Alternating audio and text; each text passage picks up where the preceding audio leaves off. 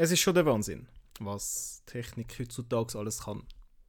Selbstfahrende Autos, Kommunikation per Video und Audio um die halbe Weltkugel herum. Leute, die das Gefühl haben, dass sie sportlicher werden, wenn sie eine Uhr anlegen, die vibriert, wenn über ihren Post, wo man einen unscharfen Kaffee Graham auf Instagram geliked hat.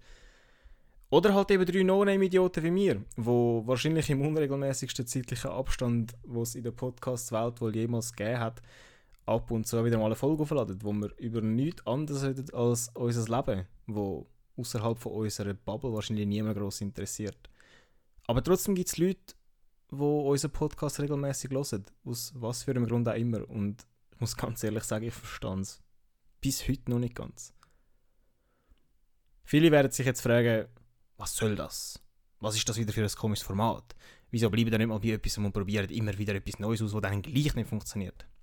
Tja, deal with it. Wir machen, was wir wollen. Ob es den Leuten gefällt oder nicht. Also zumindest habe ich unseren Podcast bis anhin ungefähr so wahrgenommen und das Selbstkonzept wird sich nicht so schnell ändern. Selbstkonzept, ein Fachbegriff von der PH, weil ähm, anscheinend will ich ja Lehrer werden oder so. Aber die Frage, was das Ganze soll, ist durchaus berechtigt. Vor allem wäre sie berechtigt von der Seite von Micha und von Nick. Weil die beiden haben nämlich keine Ahnung gehabt, dass die Folge heute online geschaltet wird. Und auch keinen Plan von dieser Idee. Ich auch nicht. Bis gestern Abend um 1, halb 2 zumindest, wo mir irgend so ein Hirnfurz zum linken Ohr geflogen ist und dann aber irgendwie nicht zum rechten raus.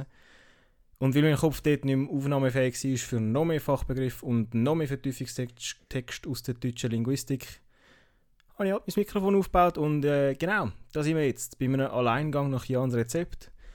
Ohne zu wissen, ob es gut kommt, ohne dass es irgendjemand erwartet hat. Ähm, kleiner Tipp am Rande. Überraschungen sind im Fall amig dann am besten, wenn man es nicht erwartet. Zumindest steht es so im Knicken. Oder so. Das Ding ist nämlich das folgende. Viele die uns nur vom Podcast also kennen, wissen gar nicht, wie wir drei privat ticken und untereinander sind. Und das ist ja gut so. Und das soll zum grössten Teil bitte auch so bleiben, weil Gott bewahre, was da alles für kommt. Ich hoffe nur nicht, dass wir drei irgendwann einmal Beef haben, weil es kommt wahrscheinlich ein paar unschöne Sachen als Licht. Aber über das will ich aber gar nicht reden, auf keinen Fall. Ähm, zumindest jetzt im Moment nicht. Aber ich will doch ein paar Worte über den Nick und den Micha verlieren. Nicht nur, weil es Content ist und Klicks generiert werden, sondern weil sie es auch wirklich verdient haben. Für die, die heute zum ersten Mal in einen von unseren Podcasts hier hören, jetzt schnell einen kurzen Abriss, woher wir drei uns kennen, der Michael, Nick und ich, äh, Nerds wie wir sind, haben wir uns als Kind und Jugendliche fürs Filmemachen interessiert und sind so durch den Ferienplausch und andere Ecken zu Filmworkshops gekommen. Und schlussendlich in ein Filmlager, wo man während einer Woche zusammen einen Film macht mit Drehbuch, Schauspiel, Schnitt und ganz nur für Spaß und Freude daran.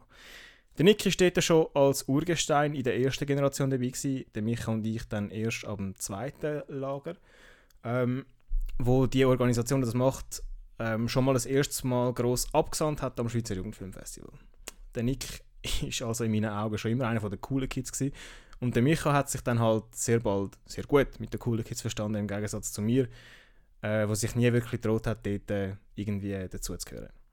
Und weil der Micha und Nick privat schon sehr früh angefangen haben, geile Content zu machen auf ihrem meiner Meinung nach heftig unterbewerteten YouTube-Channel, sind die beiden in meinen Augen immer so ein bisschen eine Liga zu hoch für mich.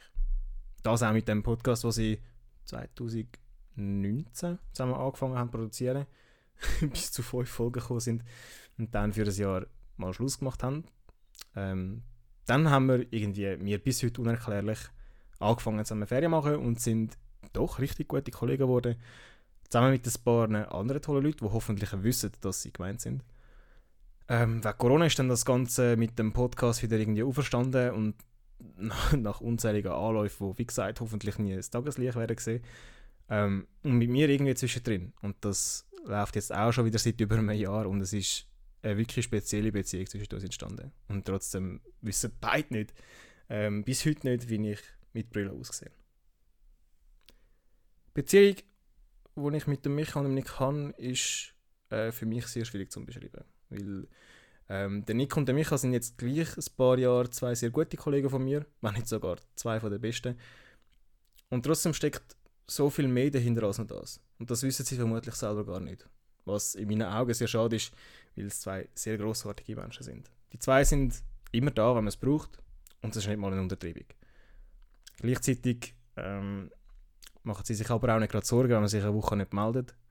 Und trotzdem sind sie nach dieser Woche immer noch da, obwohl man sich eben eine längere Zeit nicht bei ihnen gemeldet hat, was bei mir in letzter Zeit ein viel der Fall war. Und das auch, ähm, wenn sie auch ihre eigenen Probleme und Sorgen haben. Klar, ähm, wir haben vor zwei Wochen abgemacht, um einen gemütlichen Grillieren, Schnabulieren und Plaudern. Das hat es definitiv gebraucht und es war ein toller Abend, gewesen, aber das wäre es dann schon wieder gewesen. Seither habe ich mal kurz mit ihm nicht telefoniert, aber viel mehr ist seitdem nicht gelaufen zwischen uns drei. Und vor dem Abend auch nicht wirklich. Ab und zu kommt mal wieder ein, ein dummes Meme oder ein komisches Video über Insta. Ähm, aber ja. Und ein Hauptgrund, dass nicht viel läuft, bin vermutlich ich selber. Äh, ich bin momentan gerade im Endspurt von einem Wahnsinnssemester an der PH. Wahrscheinlich glauben wir das gar nicht.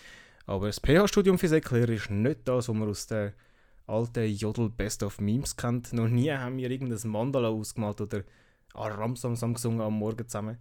Vielmehr werden einem momentan von allen Seiten Arbeit an den Kopf geworfen und kein Dozent hat sich mit dem anderen abgesprochen. Sprich, ähm, die wissen voneinander gar nicht, wie viel wir eigentlich zu tun haben. Und es gibt dann auch Leute, die haben deutlich mehr zu tun als ich diesen Sommer, weil sie wegen ihrer Fächerkonstellation mehr Prüfungen haben und mehr arbeiten. Das Problem ist, ich mache mir das Leben zum größten Teil selber schwer, indem ich mein Zeug aufschiebe und lieber so eine Überraschungsfolge aufnehme, zu Abend am Eis, statt an meiner Arbeit weiterarbeiten. Und das Problem ist, ich lerne nie daraus. Morgen wird mit Sicherheit nicht anders. Das heißt, mein Stress, den ich habe, habe ich mir selber zu verschulden. Und es war in den letzten paar Wochen nicht immer nur einfach. Gewesen. Und trotzdem weiß ich, dass durch die ganze Geschichte durch, wie auch am Ende von all dem, der Micha und ich da sein werden für irgendein wildes Abenteuer oder eine tolle Wochenferie irgendwo. Und das ist so viel wertvoller als ganz viel anderes. Und das muss mal gesagt werden. Und es ist fast schon ein bisschen traurig, dass ich das euch beiden nur via so einer Spezialfolge sagen kann und nicht von Angesicht zu Angesicht. Ich hoffe, ihr vergebt mir, dass auch ich ein bisschen mühsam sein kann. Oder ein bisschen mehr als nur ein bisschen. Ähm, es sind jetzt noch zwei Wochen Semester, drei Wochen Prüfungen, zwei Wochen Praktikum und eine Kurswoche, die ich mitleite. Aber irgendwo dazwischen soll es und muss es wieder mal lange für uns zusammenkommen. Es ist wie gesagt erst zwei Wochen her, aber es fühlt sich viel länger an, als es sollte. Klar, äh, wir haben unsere Differenzen und unsere unterschiedlichen Geschmäcker. Ich meine, ich schaue jedes Wochenende Fußballmatch, obwohl ich viel besser zu tun hätte. Wie gesagt, ich mache mir das Leben unnötig selber schwer. Während die beiden anderen alle Monate einen neuen Podcast entdecken und den durchwünschen. Für das hätte ich nie Geduld. Ich habe schon mir mit einem Podcast nachzukommen. Einfach weil ich die Aufmerksamkeitsspanne nicht habe dafür. die Geduld schon gar nicht, wie gesagt.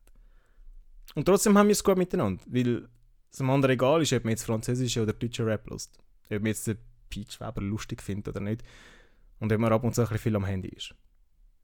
So etwas Kleinspuriges macht einen Charakter nicht aus. Zumindest nicht für mich. Und wenn man jemanden genug lang kennt, dann ist Charakter alles. Und das haben sie, beide. Und was für eine. Das könnt ihr mir gerne glauben. so. Das wär's. Jungs, äh, äh, ich wünsche euch einen schönen Tag und ähm, wie gesagt, hoffentlich bis sehr bald.